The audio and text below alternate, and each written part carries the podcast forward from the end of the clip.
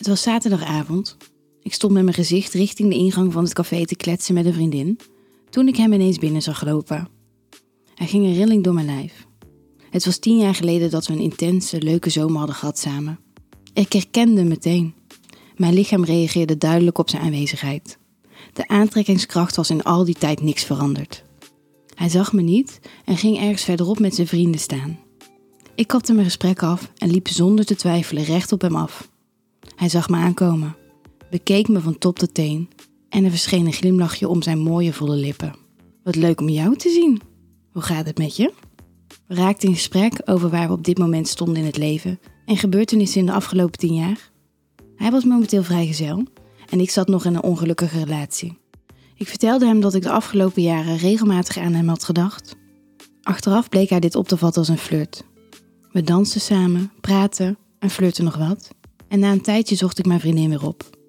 Maar ik bleef hem de rest van de avond zoeken met mijn ogen en we maakten steeds oogcontact. Mijn gedachten gingen terug naar onze tijd samen. Hoe zijn lichaam aanvoelde en hoe heerlijk de seks was. En ik voelde dat ik meteen heel opgewonden was. Iets wat in mijn huidige relatie maar zelden was. Aan het einde van de avond zagen we elkaar weer, bij de jassen. En hij liep mee naar mijn auto. Op het donkere parkeerterrein trok hij me dicht tegen zich aan en fluisterde hij in mijn oor hoe hij de hele avond al zo naar me verlangde. Ik trilde op mijn benen. Hoe kon ik me nou zo snel aangetrokken voelen tot iemand? Dit kon toch niet? Hij hield me stevig vast en zoende me met zijn volle zachte lippen. Ik dacht niet verder na. Ik gaf hem maar aan over. Zijn hand gleed onder mijn shirt en masseerde mijn borst. Ik kreunde zachtjes terwijl onze tongen afwisselend ruw en zacht om elkaar bewogen. Wat doe je met me?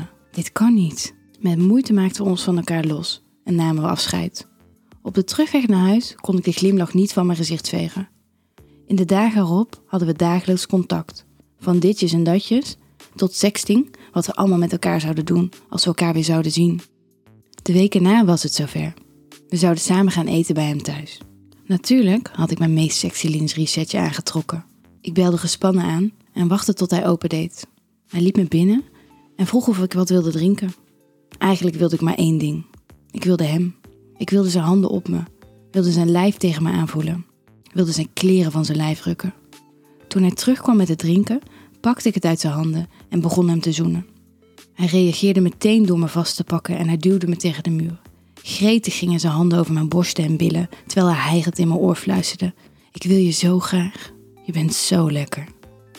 Zijn hand ging in mijn broek en zelfs met mijn string aan kon hij voelen hoe nat ik was.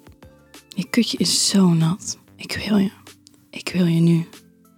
Hij trok mijn shirt over mijn hoofd en ik deed snel mijn broek uit. Met een ruk draaide hij me om, met mijn gezicht naar de muur. Hij spreidde mijn benen en zijn vingers gleden over mijn string. Handig schoof hij hem opzij en zijn vingers gleden meteen diep mijn natte kutje in. Ik kreunde en hij zei: Ik wil je proeven. Ik ga je lekkere kutje likken tot je trillend klaarkomt.